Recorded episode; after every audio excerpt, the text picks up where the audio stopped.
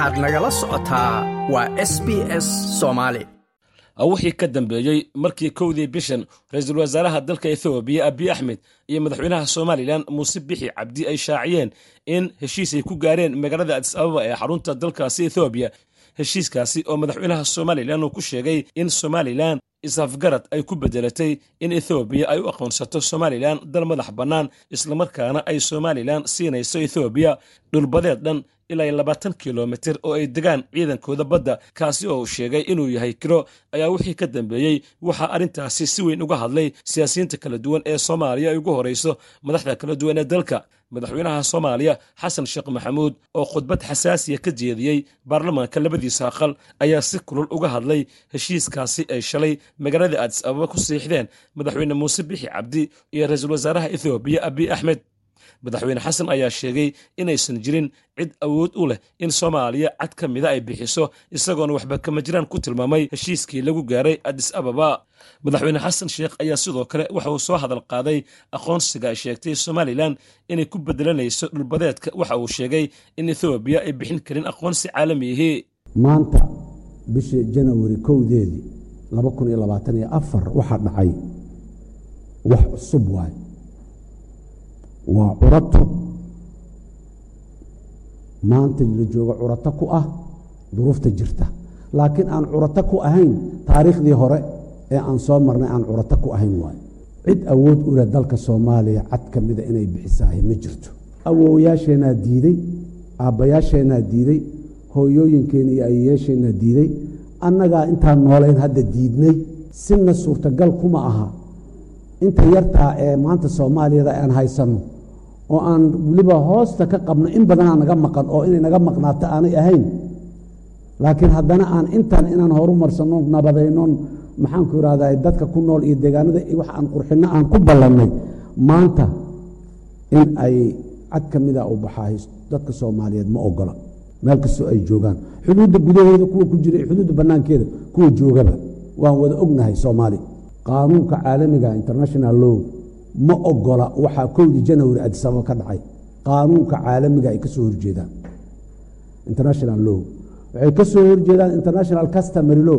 Xeerarka dhaqanka caalamka ka jira oo qawaaniinta marka laga yimaadaba habdhaqanka caalamka ka jira ee dowladaha iyo ummadaha ay u dhaqmaan ka soo horjeedaa sina dhaqangal kuma noqon doono haddana dhaqangal kuma ah dhanka kale golaha wasiirada xukuumadda federaalk ee soomaaliya oo iyaguna shir deg dega oon caadi ahayn ka yeeshay arrintaasi ayaa qarar xasaasiya ka soo saaray heshiiskii adis ababa ku dhex maray somalilan iyo ethoobiya afhayeenka xukuumadda oo warbaahinta la hadlay ayaa waxa uu sheegay in go'aamada ka soo baxay shirkan caadiga ahayn ee golaha wasiirada lagu shaaciyey in soomaaliya ay si deg deg ah ugu yeeratay safiirkeeda u fadhiyey dalka ethoobiya qararka xukuumadda ee heshiiska somalilan iyo ethoobiya ayaa waxba kama jiraan ka dhigaya heshiiskii ay shalay adis ababa ku gaareen madaxweyne muuse biixi iyo ra'iisul wasaare abiy axmed ayaa lagu yidhi qararkaasi golaha wasiirada ka soo baxay. Dowladda federaalk ee soomaaliya ayaa tallaabada ku tilmaantay mid gardaro ah oo halis gelinaysa wanaagga nabad ku wada iyo xasiloonnida gobolka.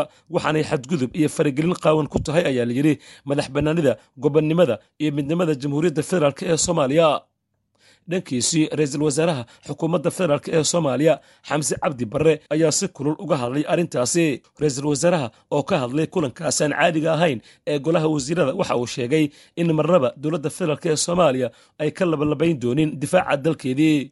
Sidoo kale waxa uu sheegay inay ku difaacayaan weji kasta oo sharci ah iyada oo dowladda kaashanaysa shacabka soomaaliyeed meel kasta oo ay joogaan ra'iisul wasaaraha ayaa waxa uu ka dalbaday bulshada soomaaliyeed midnimo iyo inay u midoobaan difaaca dalkoodii. Waxaan rabaa inaan shacabka soomaaliyeed aan u sheego inay isdejiyaan. Waxaan rabaa inaan u xaqiijiyo in ay naga go-an tahay difaaca dalka. Taaka ka mid ah berigeenna iyo baddeenna iyo cirkeenna laguma soo xadgudbi karo. Weji kasta oo sharci ah ayaana ku difaacaynaa. Waxaanan hubaa innagoo kaashanaynaa shacabkeenna meel kastoy joogaan. Hadday joogaan waqooyi iyo hadday joogaan koonfur iyo haddii ay inta udhexayso joogaanba waxaan awoodnaa horeyna u soo awoodnay haddana awoodnaa inaan difaacno dalkeenna wax laga cabsada ma yaallo. Waxaanse rabnaa markaan in la midoobo wax kasta oo soomaalida dhexdeeda ah in laga tago siyaasad kasta oo innaga dhexdeenna ah iyo waxa inoo dhexeeya inaan meel iska dhigno inaan difaacno dalkeenna inaan difaacno qarannimadeenna iyo gobonnimadeenna taasaa lagama maarmaan ah. Dadka ku mashquulsan xilligan oo kale waxyaabaha soomaalida dhexdeeda ah oo aan micnaha badan lahayn waxaan leenahay xilligan waa markii la midoobi lahaa waa markii halka meel la istaagi lahaa waa markii hal dhinac loo jeesan lahaa waa markii dalka la difaaci lahaa. Dhammaanteen aan u istaagno in aan difaacno dalkeenna. Xukuumadduna waxaa ka go-an inay arrintaas ku hogaamiso ummadda soomaaliyeed. Meel kastoo joogaan. Dhankiisii guddoomiyaha golaha aqalka sare ee baarlamaanka soomaaliya cabdi xaashi cabdilaahi ayaa arrintaasi si kulul uga hadlay isagoona sheegay. Mid wuxuu ku leeyahay etoobiya oo sannado badan deked la-ayd deked bay yeelatay. Waa arrin aada iyo aada looga naxo. Waxaa kale uu leeyahay red sea. Waxaan ka helnay albaab ay horumarkeenna kaalin weyn ka qaadanahay. Kan afraad wuxuu ahaa waxaa arrimaha heshiis ku gaaray brime ministerka etoobiya abiy axmed iyo madaxweynaha somalilan muuse biixi cabdi. Waa wax laga yaqyaqsoodo aada loo noogu loogu naxo. Waxaan leeyahay horta marka ugu horeysa waxaan leeyahay madaxweynaha jamhuuriyadda jabuuti iyo shicibka roo jabuuti raalli noqda raalli ka ahaada dadaalkii aada samayseen iyo halkaa waxa ka soo dhawaaqay ee aan la qaadan karaynin.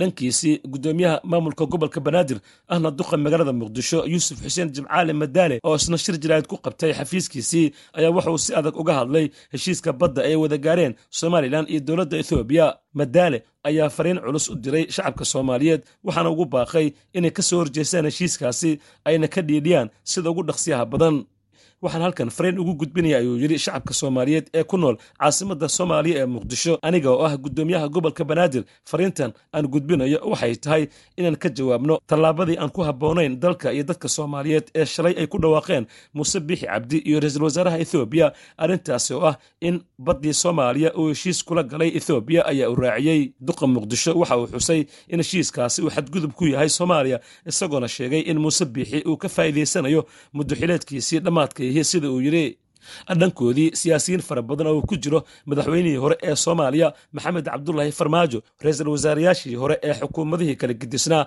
xasan cali khayre iyo maxamed xuseen roble ayaa iyaguna ka mid a siyaasiyiinta sida kulal uga hadlay heshiiskani la sheegay in somalilan ay la gashay dowladda ethoobiya islamarkaana ay ku wareejinayso labaatan kilomitir oo qayb ka ah badda soomaaliya. Arrintan ayaa timid kadib markii kowdii bishan ay shir jaraa'id ka soo wada muuqdeen. Ra'iisul wasaaraha ethoobiya abiy axmed iyo madaxweynaha somalilan muuse biixi cabdi.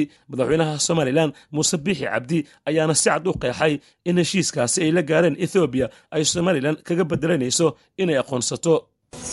Oo sannadkii uu kow yahay waxaa noo nasiib wanaaga inaanu kala seexanayno memorandum of understanding dowladda federaalka ethoobiya saa og qof waliba ama madaxweyne kastaa wuxuu hirgeliyaa danta dadkiisa ra'iisul wasaaraha ethoobiya federaalka ethoobiya waxaa uu naga codsaday inaynu wadagalno understanding ah in ay badda ka helaan meel ay degaan oo ciidankoodu maadaama ay leeyihiin ciidankii mariinska ahaa meel ay degaan.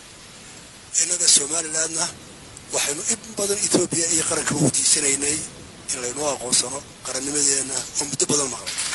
Waxaynoo farxada waan uga mahadnaqayaa ra'iisul wasaaraha iyo etoobiyaba sidii aanu ku heshiinay ay ku qoran halkan in annaguna aanu u ogolaano labaatan kilomitiro badda ah iyaguna markaaba ay na aqoonsadaan ay qaranka soomaaliya dowladda u horreysay ay noqon doonaan marka lasaxa heshiiska ciidamada labaatanka kilomitir ee xeebta ee ciidamadooda inu ogolahay inay degaan ciidamadoodu waa liis waa kero maaha dhul la siinaya bilaashna maaha.